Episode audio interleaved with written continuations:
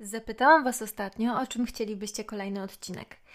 I naprawdę dostałam, słuchajcie, bardzo dużo odpowiedzi. Jak zwykle byłam tym bardzo mile zaskoczona i za wszystkie dziękuję i od razu wyjaśniam.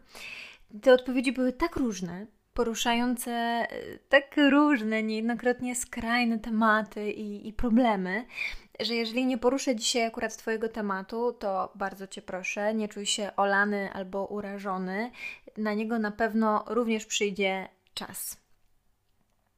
A dzisiaj temat jest nieprzypadkowy, słuchajcie, bo po pierwsze nas zesłany przez większość z Was, no a po drugie, no, żyjemy jakby nie patrzeć w bardzo, słuchajcie, dziwnych czasach. Takich wręcz wrednych, powiedziałabym. Stoimy na skraju drugiego lockdownu, do którego wejście, przynajmniej według mnie, zdaje się być dużo bardziej męczące, wymagające i uwierające niż za pierwszym razem. I w tym wszystkim, martwiąc się o swoje zdrowie, albo o zdrowie swoich najbliższych, martwiąc się o pracę, o utrzymanie, o środki wszelakie do, do dalszego funkcjonowania, dalszego rozwoju, do po prostu bycia, no przede wszystkim obserwujemy polityczno-społeczne rewolucje i niezależnie od tego, po której stronie przekonań się znajdujemy, no to jesteśmy świadkami walki, która dotyka, wywołuje kontrowersje i obraża. No, otaczają nas nieustannie wiadomości o kolejnych przejawach agresji, kolejnych przejawach braku szacunku i poszanowania ludzkiej cudzej godności. I ten rok to jest wyzwanie. Mówiłam już niejednokrotnie o tym, że dla mnie rokiem takiego osobistego przeorania psychiczno-emocjonalnego był rok 2019, który skończyłam po prostu jako uczuciowy durszlak. Jednak 2020 jest wyzwaniem niezaprzeczalnym dla każdego i chociaż dla mnie personalnie jest nieco lżejszy, to wciąż mi ciąży też, wciąż wymaga i drapie jak taka nieodcięta metka. Jednak słuchajcie, jakby nie patrzeć, może to dla kogoś będzie pocieszające, ten rok już się kończy. Mamy listopad, przedostatni miesiąc. A gdy trwał w najlepsze, to dla wielu prawdopodobnie dużo się skończyło. Bo to był rok wypchnięcia ze strefy komfortu, przewartościowania, desperacji, czyhającej z za rogu nieuniknionej, chociaż niejednokrotnie przerażającej zmiany. Zapytam Cię teraz zatem, drogi słuchaczu, za czym tęsknisz? Za kim tęsknisz? I czemu tego, jego lub jej nie ma? Opowiem Wam dzisiaj o różnych tęskno tęsknotkach. I tęsknotach dużych i małych, i dużo o tęsknocie do samego siebie. Do poczucia bycia ważnym, do poczucia bycia wartościowym, akceptowanym, dobrym i wystarczającym ale nie dla innych, a dla siebie samego. Ja słuchajcie, nienawidzę tęsknić, jestem w to beznadziejna. To po prostu, no, no tęsknota, ona, ona przyjmuje nade mną wszelką kontrolę, jeżeli ją czuję. I, I serio, ja próbowałam wymyślić jakieś porównanie czy metaforę obrazującą moje odbieranie tego niewygodnego uczucia i nie mogę się zdecydować, co najlepiej oddaje moje przeżywanie tęsknoty. Może kiedyś miałeś założony gips, no jeśli tak, to zapewne znasz to uczucie, kiedy zaczynała cię pod tym gipsem swędzić skóra. I ni huk, po prostu choćby skały srały, nie dało się podrapać. I ja pamiętam, że próbowałam jakimś drucikiem, no to jedyne co mi się udało, to lekko sobie tę skórę pod tym gipsem posmyrałam, co spowodowało, że po prostu mnie swędziało jeszcze bardziej. I w ogóle tęsknota mi się kojarzy z takim piekącym swędzeniem. No ale nie ma na to maści. I nie wystarczy zrobić krzyżyka paznokciem jak na ugryzieniu komarowym. I mogłabym jeszcze porównywać tęsknotę do takiego wiercenia w żołądku, a właściwie to w jelitach, no, na które nie masz żadnego wpływu, bo tylko już to, to już się tylko dzieje i ty jedynie czujesz i odbierasz, jak twój organizm walczy. I ja wiem, że ja tęskniłam nieświadomie od urodzenia. Tęskniłam za ciepłem mamy i taty, za poświęcaniem mi uwagi, za wspólną zabawą, za byciem zauważoną, utuloną i ukochaną. No, potem tęskniłam bardzo za bezpieczeństwem i spokojem. Jeśli słuchasz mnie już trochę, to wiesz, jak wyglądało moje dzieciństwo i pewnie rozumiesz, dlaczego tęskniłam. Jeśli jednak nie znasz mojej historii, a odnajdujesz siebie w tych moich dziecięcych tęsknotkach, to odsyłam Cię do poprzednich odcinków, bo w nich prawdopodobnie też się odnajdziesz. I ja, słuchajcie, dosyć szybko poznałam również tęsknotę za kimś, kogo wcześniej nie było, pojawił się, został przeze mnie pokochany najbardziej na świecie. Pewek, że najbardziej, no ja inaczej przecież kochać nie umiem, jak każdy wysokowrażliwiec. No a potem zniknął.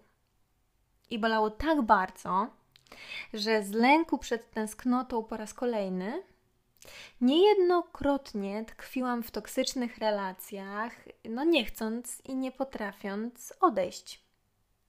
W ogóle tak na marginesie Wam powiem, taki Claudia News, że w ostatnim czasie takie tęsknotki zakończonych relacji straszliwie za mną chodzą. No wiadomo, że już nie bolą jak kiedyś, bo minęło wiele, wiele lat, ale jestem po prostu osobą na tyle sentymentalną, że jak wspominam, no to taki jeden, jeden zagubiony motylek w brzuchu potrafi się obudzić na chwilę.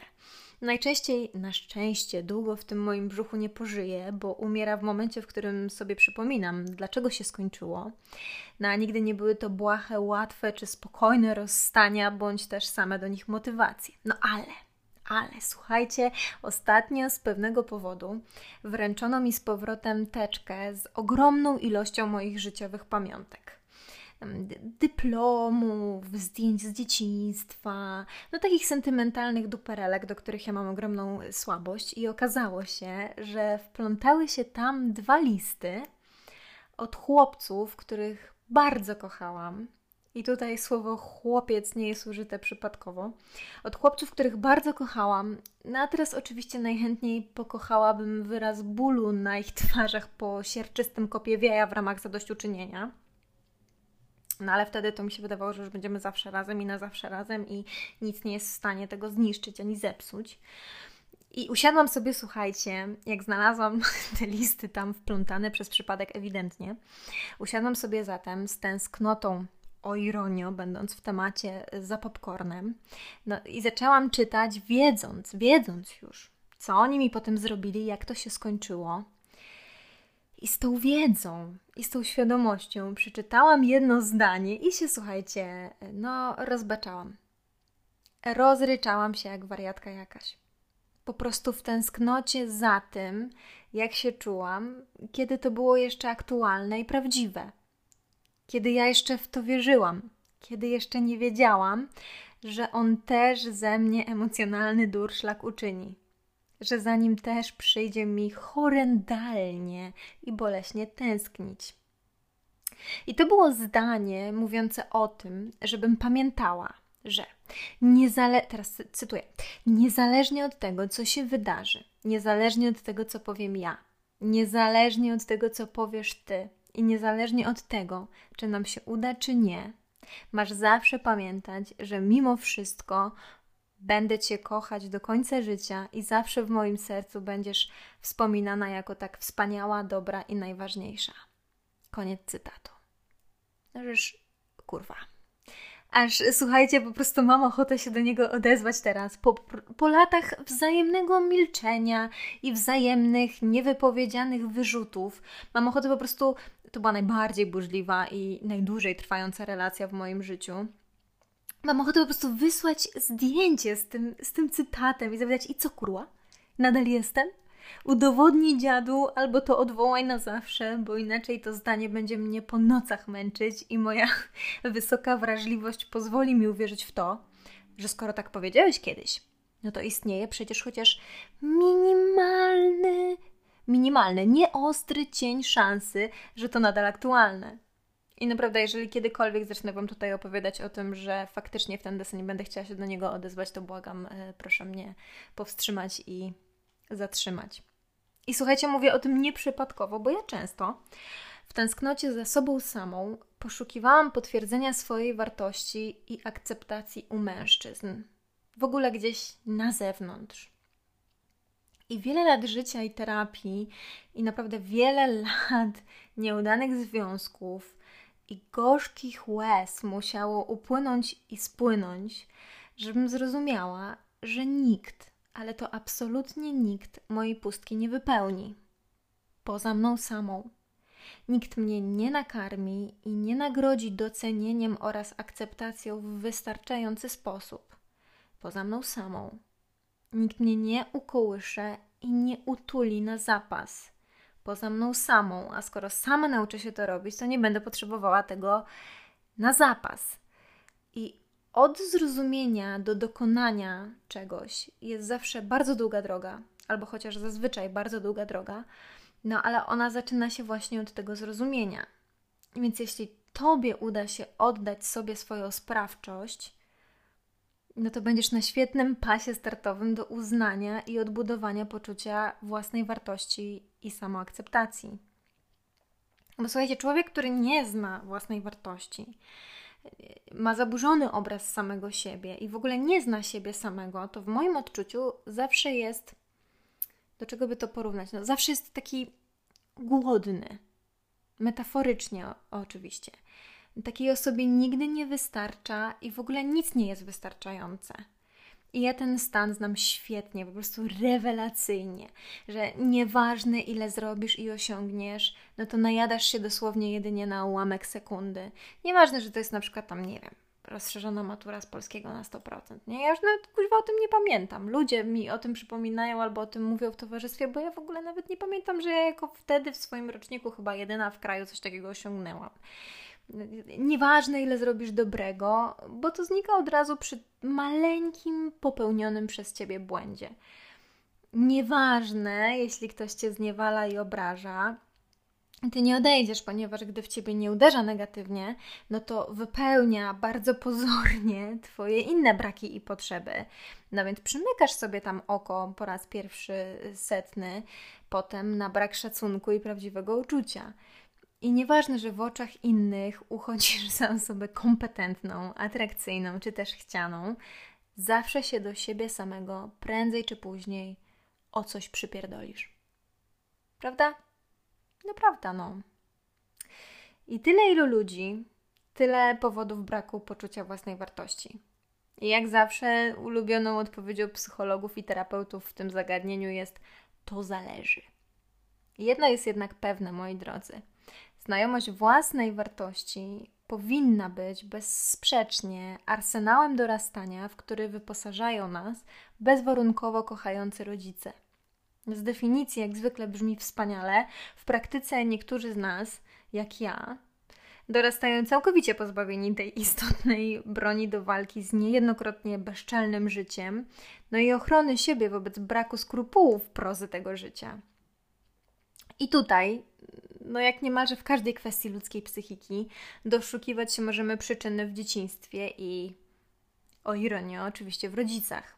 Po raz kolejny jednak podkreślam, że nigdy nie chodzi mi o obwinianie rodziców, szykanowanie czy wypominanie czegokolwiek, a o leczącą i nadającą odpowiedni tor świadomość.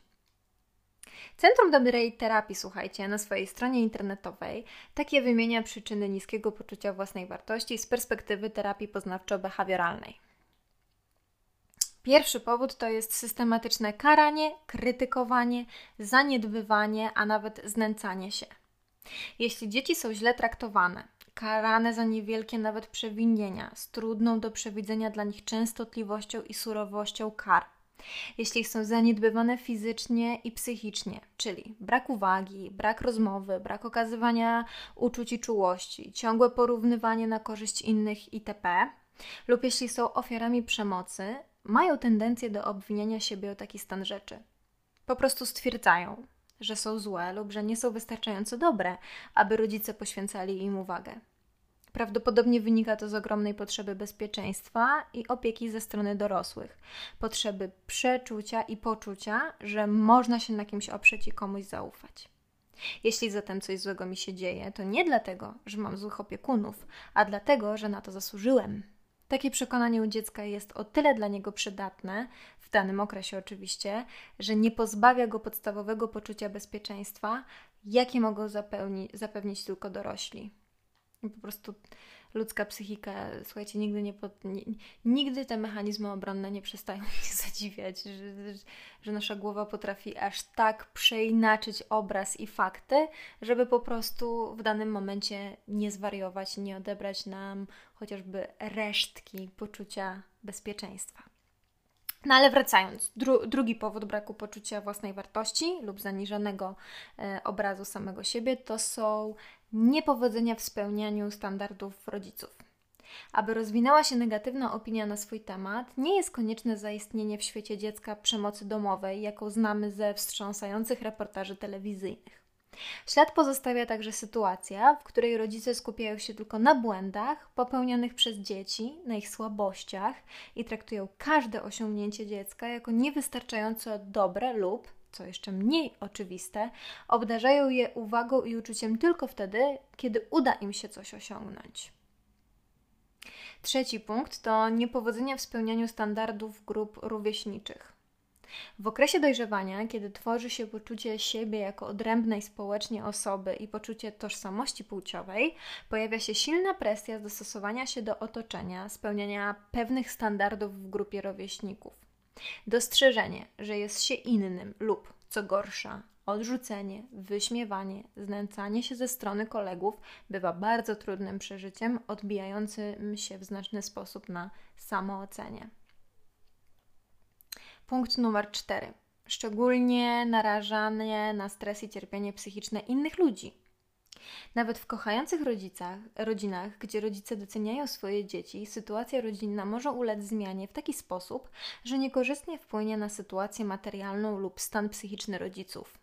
Mogą oni być wtedy zestresowani czy nieszczęśliwi, a przez to bardziej drażliwi i niechętni do poświęcania czasu dzieciom to z kolei odbija się negatywnie na obrazie własnej osoby, która kształtuje się u dziecka. I ostatni punkt to po prostu brak dobrych doświadczeń. Nie trudno zrozumieć wyżej opisane sytuacje jako potencjalne źródło negatywnych przekonań na własny temat. Zdarza się jednak i tak, że nasza niska samoocena jest dla nas zagadką, gdyż nie przypominamy sobie żadnych bardzo negatywnych wydarzeń z dzieciństwa czy wieku dorastania. Możliwe, że problemem nie była obecność traumatycznych doświadczeń, ale raczej brak obecności lub niewystarczająca ilość doświadczeń pozytywnych, takich jak ciepło, miłość, pochwała, zainteresowanie. Istnieją rodziny, w których nie ma zwyczaju lub unika się wyrażania uczuć w sposób bezpośredni, czyli okazując je lub mówiąc o nich. I Centrum Dobrej Terapii podsumowuje, to tylko niektóre przyczyny powstawania niskiego poczucia własnej wartości. Te opisane wyżej dotyczą sytuacji, w których źródłem problemu były własne przeżycia. Zdarza się i tak, że sama ocena spada na skutek doświadczeń z życia dorosłego. Bez względu jednak na to, gdzie tkwi przyczyna, pierwszym krokiem do zmiany samooceny z negatywnej na adekwatnie pozytywną jest obserwacja swoich myśli i emocji oraz analiza, w jakich sytuacjach się one nasilają. Określenie adekwatnie pozytywna samoocena nie zostało tu użyte bez powodu. Bezrefleksyjnie wysoka samoocena także bywa zgubna w skutkach. Powinniśmy zatem dążyć do stanu, w którym umiemy adekwatnie ocenić i docenić swoje możliwości, zalety i umiejętności, ale także znać swoje wady i słabości, by móc nad nimi pracować lub spokojnie je zaakceptować, tak aby nie były dla nas przeszkodą w budowaniu spełnienia w życiu. Przyznam Wam się, bo oczywiście zakończyłam już cytat, przyznam Wam się, że chociaż jestem osobą bardzo samoświadomą, która od wielu, wielu lat pracuje nad sobą i naprawdę ogromną ilością dotkliwych traum, to często miewam w cudzysłowie nawroty problemu z poczuciem własnej wartości i samoakceptacji. I to jest w ogóle temat rzeka i na pewno w tym odcinku wszystkiego, co istotne, nie powiem. Czekam zatem na Wasze uzupełnienia, uwagi i komentarze. Standardowo zapraszam do kontaktu przez fanpage Biedrzycka Publikuje lub przez konto na Instagramie o tej samej nazwie. Powiem Wam szczerze, że przez większość mojego życia dostrzegałam, odczuwałam i doświadczałam siebie i swojej osobowości jako problemu ja czułam się problemem moich bliskich, czułam się problemem moich partnerów, czułam, że problemem jest dla mnie system, na którym opiera się dzisiejsze społeczeństwo i dzisiejsze wartości. I nie potrafiłam znaleźć dla siebie zawodu, nie potrafiłam znaleźć dla siebie miejsca, człowieka, czy chociażby zajęcia, którego prędzej czy później zniechęcona nie porzucę. I dzięki temu perfekcyjnie można było mną manipulować, właśnie przez mój brak pozytywnej samooceny. No bo skoro nie szanowałam, nie doceniałam i nie kochałam samej siebie, to jak ktokolwiek inny i w sumie dlaczego ktokolwiek inny miałby to robić? I żeby było jasne, kochani, tematyka kochania siebie wciąż wywołuje we mnie takie niejednoznaczne odczucia. Kochanie siebie to jest wielkie słowo, wielkie wyrażenie. Jednak idąc drogą terapii, bezsprzecznie zrozumiałam, że jeśli od dziecka skazana byłam na tęsknotę i niedobór, to nikt mi tego nie odda teraz w zastępstwie. I nikt mi tego nie zadość uczyni. No bo nie da się przeżyć dzieciństwa jeszcze raz z kimś wybranym w dorosłym w życiu, wybranym do odegrania raz jeszcze roli rodzica i nagle zrobienia tego dobrze, lecząc moje traumy i przykre doświadczenia. I naprawdę to brzmi jak takie sztampowe teksty z tych hejtowanych przeze mnie poradników, ale akurat tu się muszę zgodzić, że dopóki samej siebie nie polubię, o kochaniu jeszcze nawet nie wspominając, dopóki samej sobie nie wybaczę, samej siebie nie zrozumiem i samej siebie nie wesprę, o samą siebie nie zawalczę i samej siebie nie pochwalę, to każda przychodząca taka rzecz z zewnątrz będzie jedynie na chwilę, na moment, do kolejnego kryzysu, kolejnej porażki czy kolejnego momentu zwątpienia, do kolejnego odczuwania tego wewnętrznego głodu. Ja osobiście uważam, że jestem na dobrej drodze do wielu zmian w tej materii. Jednak powiem Wam szczerze, że obawiałam się tego odcinka, bo ja bardzo nie lubię hipokryzji, a ona skończy się dopiero w tej tematyce wtedy, gdy z czystym sumieniem i bez cienia ironii czy jakiejś tam głupkowatej miny będę potrafiła powiedzieć: Jestem cudem, a nie problemem. I tego samego życzę Tobie, drogi słuchaczu, bo jeśli tu jesteś i tego słuchasz, no to zaczynasz być świadomy a to oznacza, że droga Twoich zmian już rusza, bo nic tak nie leczy jak świadomość. I wiele nurtów terapeutycznych i w ogóle terapii i, i sukcesów w psychologii opiera się właśnie na uzyskaniu tego stanu świadomości.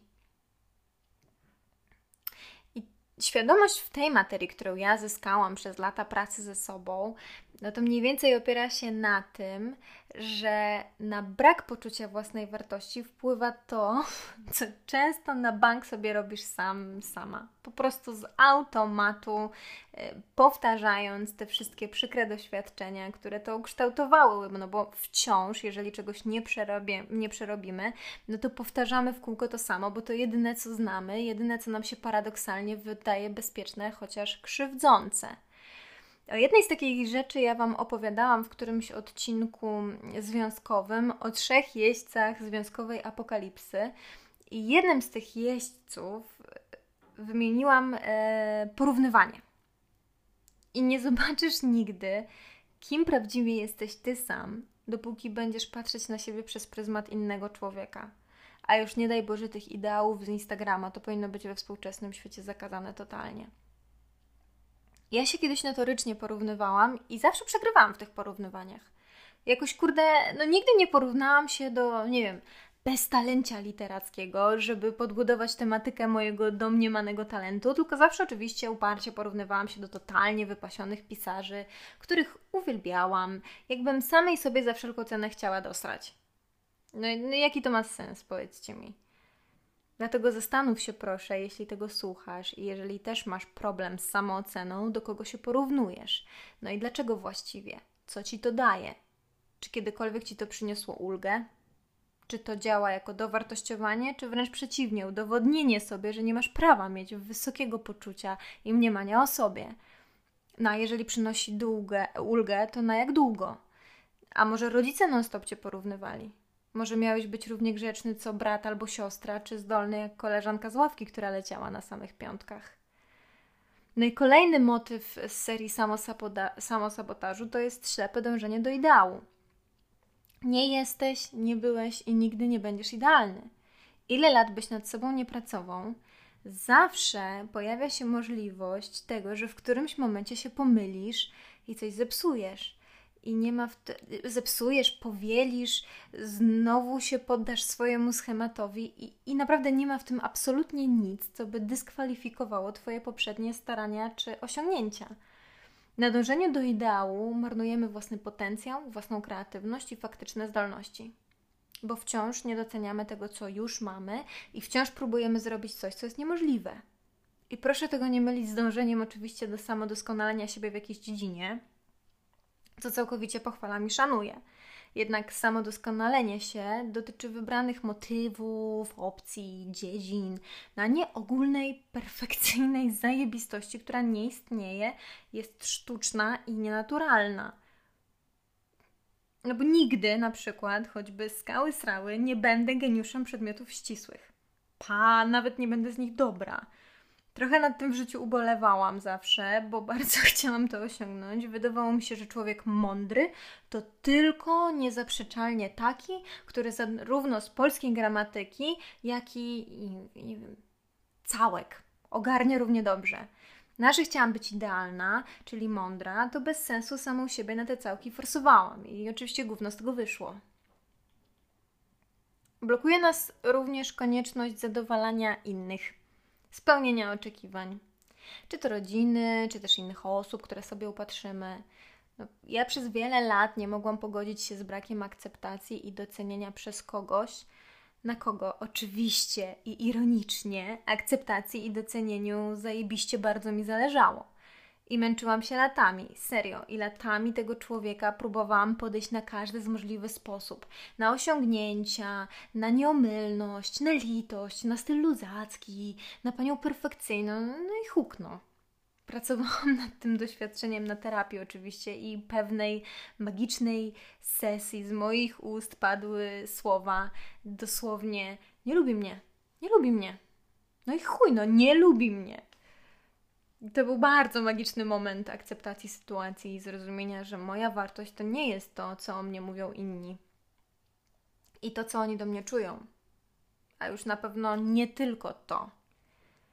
I powiem Wam tak off the record, że chodziło o mamę mojego wieloletniego partnera i długo nie mogłam zaakceptować tego, że ona mnie nie lubi że tego nie zmienię. Więc możecie sobie wyobrazić, jaka byłam uparta w tej potrzebie i akceptacji. No na szczęście y, były partner, więc ją zabrał ze sobą z mojego życia. I ty nie znasz również swojej wartości, jeżeli po prostu nie znasz siebie. Uważam, że aktualnie ludzie wiedzą, czego nie chcą, ale nie mają zielonego pojęcia, czego chcą. Wyjście z roli ofiary, do tego odcinka również ciepło odsyłam, powoduje, że musimy wziąć odpowiedzialność za siebie i za to, jak wygląda nasze życie. A to oznacza, że zamiast zwalać non-stop w spirali bycia ofiarą yy, winy na raniących i rodziców i krzywdzące dzieciństwo, no to po prostu bierzemy sprawę w swoje ręce i swoją głowę i transformujemy przekonania i schematy. Robimy to albo autoterapią, albo terapią z terapeutą. I wtedy zazwyczaj przestajemy żyć na autopilocie, bo tego wymaga od nas ta owa transformacja. Zaczynamy się obserwować, poznawać, próbować, zmieniać, przełamywać. I nie zrozumiesz swojej wyjątkowości i talentów, dopóki nie poznasz siebie z każdej strony. Też nie poznasz tego bardzo negatywnego obrazu siebie samego. No kim jesteś, gdy nikt nie patrzy? I co wtedy robisz? Jak wyglądasz? O czym głównie myślisz? O kim myślisz przed snem?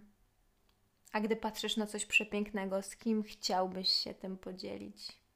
Co cię w życiu tak soczyście wkurwia? I jaki jest twój najsłabszy punkt? Co totalnie wytrąca cię z wypracowanej równowagi? Gdybyś mógł wybrać jeszcze raz i nie miał żadnych ograniczeń, kim byś został? Jak zarabiał na życie? Jaki jest Twój ulubiony kolor? Co i kto rozśmiesza Cię do łez? Pogadaj ze sobą, pomedytuj, poszukaj sposobu. Jesteś najważniejszą relacją w swoim życiu, ponieważ to tylko i aż ze sobą spędzisz dosłownie całe życie. Jeżeli jeszcze siebie nie doceniasz, to naprawdę nie szkodzi, bo to przyjdzie z czasem. Najpierw siebie poznaj. Z dociekliwością i ciekawością, jaką potrafisz obdarzyć nowo poznanych, ale fascynujących ludzi, do których cię ciągnie. No i tych, których znasz przecież od lat bardzo dobrze i kochasz. Mimo wszystko kochasz. No, no na pewno oni popełnili wiele błędów i na pewno jesteś świadomy wielu, wielu ich wad, ale i tak ich kochasz, i tak się o nich troszczysz, i tak z nimi jesteś. W ogóle mam takie, takie wrażenie, że wobec innych potrafimy być dużo bardziej łaskawi i wyrozumiali niż wobec samych e, siebie.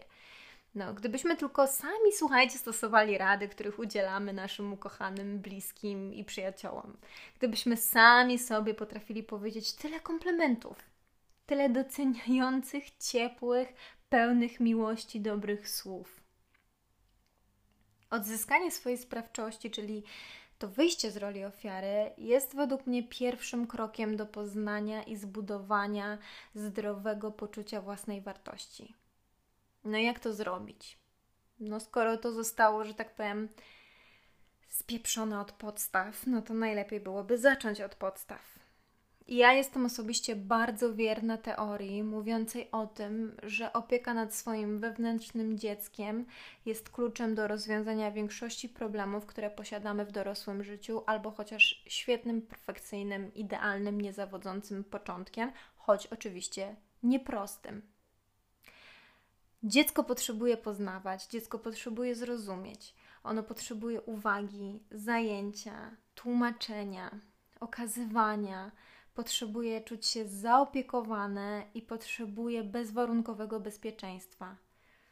No dziecko okazuje uczucia, ono ma z natury dobre intencje, ono głośno kocha, głośno płacze, głośno się złości, wybacza i to dziecko nadal w tobie jest.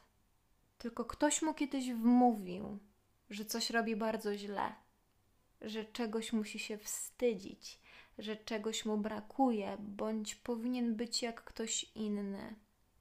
Dlatego teraz nie potrafisz cieszyć się sobą, swoimi zaletami, atutami i talentami. Znam bardzo wiele osób. Na tym też polega moja praca zawodowa, na poznawaniu ludzi ale znam tylko jedną, naprawdę, na całe swoje życie znam tylko jedną osobę, która miała szczęście mieć tak wspaniałą, kochającą, zdrową i pełną rodzinę, że jej wiara i obraz własnych sił i w ogóle obraz siebie jest faktycznie silny, zdrowy i niezachwiany. Reszta, a raczej większość z nas, musi się nauczyć na siebie patrzeć życzliwie i z miłością oraz prawdą i dać sobie to, czego nie dali nam rodzice czy opiekunowie. Ja standardowo ostrzegam, że to jest ciężka praca i długa droga. I podkreślam raz jeszcze, że osobiście nie kupuję tych wszystkich poradników, które w pięciu krokach i pięciu minutach zmienią Twoje spojrzenie na siebie samego i już zawsze będziesz w siebie wierzyć i stać na straży wszystkiego, co Ci służy, nigdy nie popełniając błędów. I w tym temacie i nie dając w ogóle nikomu chociaż na chwilkę przekroczyć znowu Twoich granic ale naprawdę będę przeszczęśliwa, jeżeli słuchając tego albo trafiając na ten profil Biedrzycka publikuje zupełnie przez przypadek bądź celowo, ale jeżeli to będzie jakby ziarenko, ten początek, zalążek zawalczenia o siebie i spróbowania dostrzec jak wyjątkową i idealną właśnie w braku ideału jednostką jesteś, ja Was standardowo odsyłam do dobroci XXI wieku, czyli do poszukania profesjonalnej pomocy, w czym zawsze sama i chętnie pomogę. I czeka na Was naprawdę bardzo dużo wykwalifikowanych, świetnych terapeutów, którzy wiedzą jak i gdzie szukać oraz co robić. Dzisiaj tych odsyłaczy troszkę będzie, więc pozwolę sobie je podsumować w opisie odcinka. Słuchajcie. Standardowo kilka polecajek do autoterapii i pracy ze sobą, jeśli z jakiegoś powodu na terapię nie chcesz lub nie możesz iść. Przede wszystkim, słuchajcie, jeśli chcecie poznać, ukoić i ukochać swoje wewnętrzne dziecko, co jest, jak już powiedziałam, w mojej opinii nieodłącznym warunkiem życiowych zmian, również, a nawet przede wszystkim tych w kwestii poczucia własnej wartości i samoakceptacji, to odsyłam do książki pod tytułem Powrót do swojego wewnętrznego domu i wszystkich zamieszczonych w książce ćwiczeń. Jeżeli będziesz chciał ze mną porozmawiać o tych ćwiczeniach, jeżeli będziesz potrzebował z kimś porozmawiać albo po prostu czymś się podzielić, zapraszam do kontaktu. Dodatkowo polecam również książkę Dorosłe dzieci niedojrzałych emocjonalnie rodziców oraz program zmiany sposobu życia. Autorów podam w podsumowaniu odcinka. I dzisiaj wyjątkowo po raz pierwszy robię coś, czego jeszcze nigdy nie robiłam. Chciałabym polecić dwa wspaniałe, niesamowicie bogate, merytorycznie, bez sztampowego gadania, no przecudowne kanały. Pierwszy to jest kanał Aurora Mówi, który Wam podlinkuję. Pani Sylwia, jak sama siebie przedstawia, wspiera w uzdrawianiu ran dzieciństwa, transformacji ograniczających przekonań, rozpoznaniu nieświadomych schematów. Prowadzi przy tym wszystkim też bardzo wspierające, wiele zmieniające i pomagające cykliczne warsztaty online. Także słuchajcie, zdecydowanie posłuchać, co mówi Aurora. Mówi wspaniale, pięknie i bardzo mądrze. I chciałabym Was też zachęcić do obserwowania i aktywnego udziału w dobrodziejstwach na kanale pani Eweliny Stępnickiej. Prawdopodobnie niektórzy z Was już to nazwisko słyszeli, co mnie bardzo cieszy. Mm, pani Ewelina szerzy przekonanie, że kurczę, nie dość, że szerzy to przekonanie, to jeszcze powoduje, że Ty zaczynasz je szerzyć, że zdecydowanie jesteś cudem, a nie problemem. Zachęcam oczywiście do innych odcinków Nieporadnika, ponieważ chcąc nie chcąc, właściwie w każdym odcinku możesz znaleźć powód lub y, początek rozwiązania Twojego problemu z poczuciem własnej wartości i samoakceptacji. Dziękuję Wam bardzo za dziś i do usłyszenia niebawem.